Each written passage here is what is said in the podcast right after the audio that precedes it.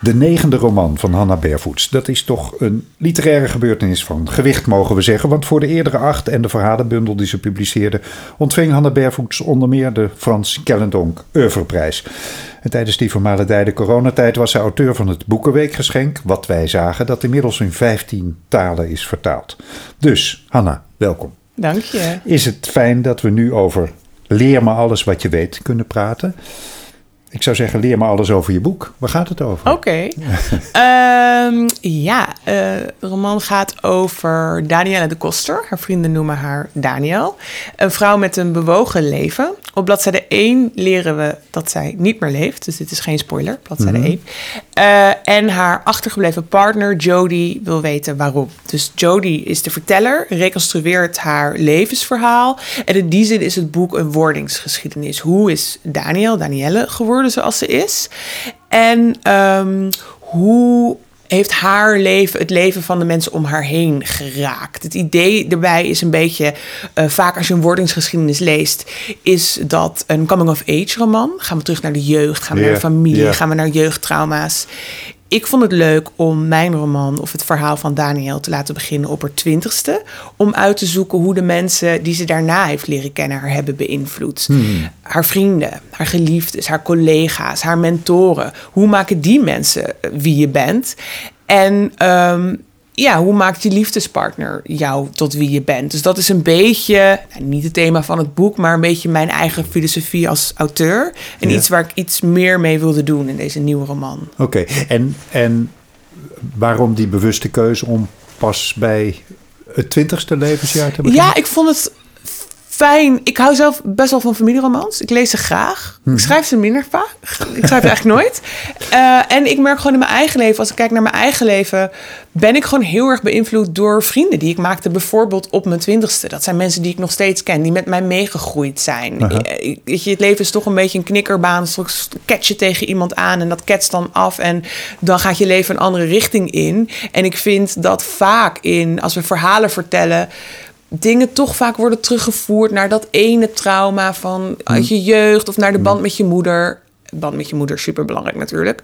Maar ik vond het, ja, mooi om een keer over al die andere relaties te schrijven. En het boek volgen we dus ook. We volgen niet alleen Daniel, we volgen ook haar eerste vriendin, Barbara.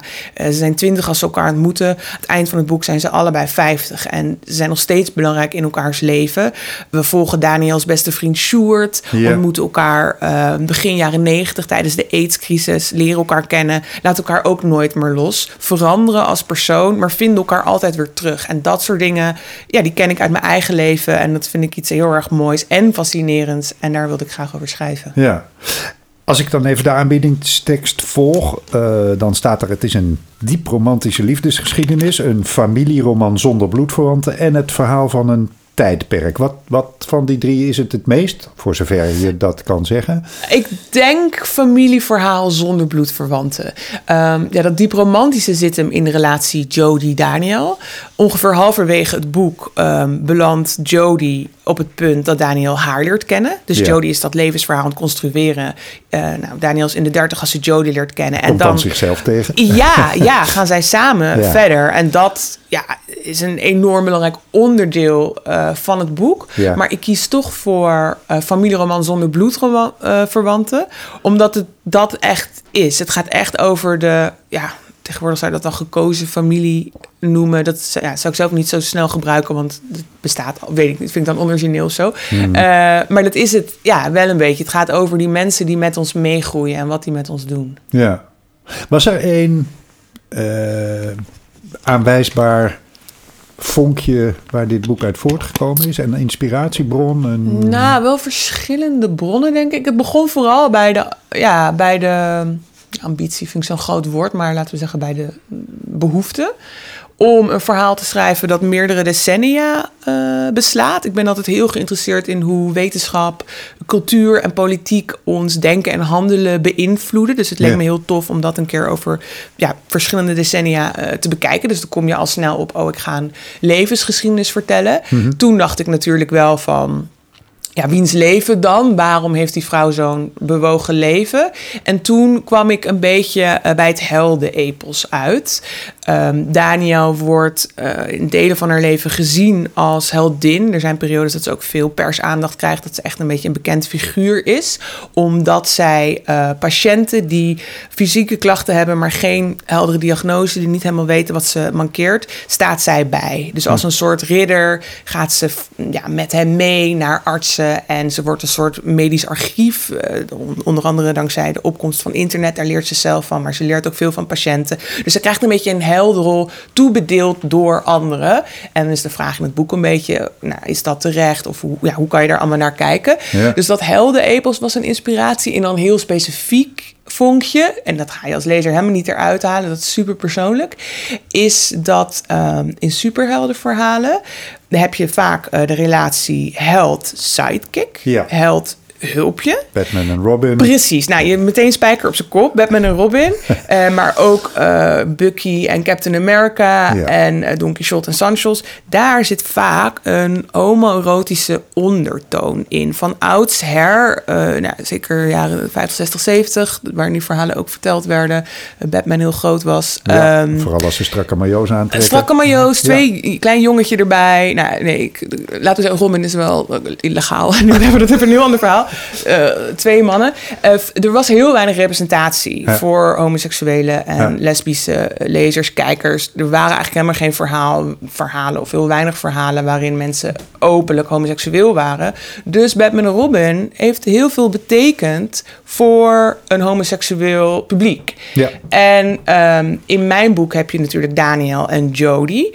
Uh, Jodie gaat Daniel ook helpen uh, bij dat helpen van die patiënten. Werken. stelt voor ja. precies een stichting op te richten. Dus daarin zit ook die relatie held-sidekick. En er zit dus een homoerotische ondertoon. Alleen de ondertoon is bij mij de boventoon, omdat hmm. het 2023 is. Dus dat ja. vond ik een mooie, ja, om daar toch recht aan te doen. Ja. En als het dan een uh, beeld van een tijdperk is, welk tijdperk is dat dan? Het is, de nadruk ligt bij de jaren 0, 10. Maar we zijn ook in de jaren 80, 90, 0, 10, 20. Dus we gaan echt van 89 tot 24 qua jaren. Dus we gaan vijf decennia. Oké, okay, dus je neemt nog, nog, laten we maar zeggen, een staartje Precies. van het, het ja. heftige AIDS-tijdperk ja. mee, van ja. de AIDS-crisis. Ja, echt een staartje. Ja. Verder bijna tot nu bijna. Ja, dus. ja met okay. ook, uh, ja, het eindigt natuurlijk niet heel lang, ligt niet de nadruk op, maar de coronapandemie vond ik een hele interessante spiegeling met de AIDS-pandemie. Dus allebei de pandemieën ja. zitten erin. Ja, en, en, en door de goede werken van, uh, van Daniel. Uh, worden, worden die pandemieën natuurlijk ook gekoppeld. Omdat ja, ja, ja, zij ja. voor dat soort mensen zorgt. Of ja, dat soort ja, en, staat. Ja. ja, en ook een klein rood draadje. Uh, nogmaals, dat is helemaal niet iets wat een lezer eruit hoeft te halen. Maar een rood draadje erin is ook de emancipatie van patiënten. Uh, Daniel is natuurlijk een fictief personage.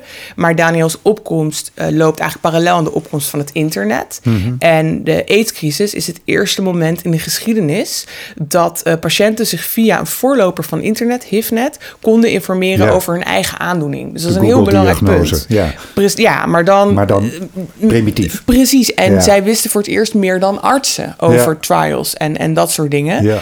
Uh, en natuurlijk bij de coronapandemie, dat kan je dan het eindpunt zien, of het voorlopige eindpunt van die emancipatie, waarbij mensen met bijvoorbeeld long-covid meteen online gingen, meteen elkaar vinden en meteen ja. kwam er wetenschappelijk onderzoek. Dus dat, die lijn zit ook uh, door het hele boek verweven, hoe die patiëntenemancipatie parallel loopt aan de opkomst van het internet en die loopt weer parallel aan het leven van Daniel. Ja, en dan komen er, begrijp ik, uh, gekoppeld aan die goede werken van Daniel, en uh, komen er grote vragen aan bod. Namelijk, -hmm. bestaat er zoiets als onbaatzuchtigheid, onbaatzuchtige hulp? En wat is het goede? Ja. Um, ja. Ja, Heb je antwoorden nee, gevonden? Of, nee, nee, nee, of is het dat, roman er niet voor antwoorden? Nee, nou, mijn romans niet. Uh, ik zeg niet dat dat nooit mag hoor. Maar ik vind het veel leuker om dingen te onderzoeken. Dus Daniel is een gemankeerde held, een gemankeerd personage, een gemankeerde geliefde, een gemankeerde vriend. Um, maar ze doet heel veel goede dingen. Ik hou van haar. Ik hoop natuurlijk dat de lezer ook een beetje van haar gaat houden natuurlijk. Mm -hmm. is wel moeilijk als je er echt haat, dat denk ik niet hoor. Um, Maar de vraag is, ja, is het wat erg als je nog steeds hele goede dingen doet? Dat is niet de grote vraag van het boek, maar als lezer kan je dat afvragen. En ik wil daar ook helemaal geen ja, antwoord op geven. Maar ik hou zelf veel meer van verhalen die niet zwart-wit zijn en die, ja... De, Waar dat soort paradoxen in zitten. Precies, ja. dat soort vragen. Die, ja. ja. Spannend. Dankjewel. Leer me alles wat je weet van Hanna Bervoets. Verschijnt op 28 november. Thank you.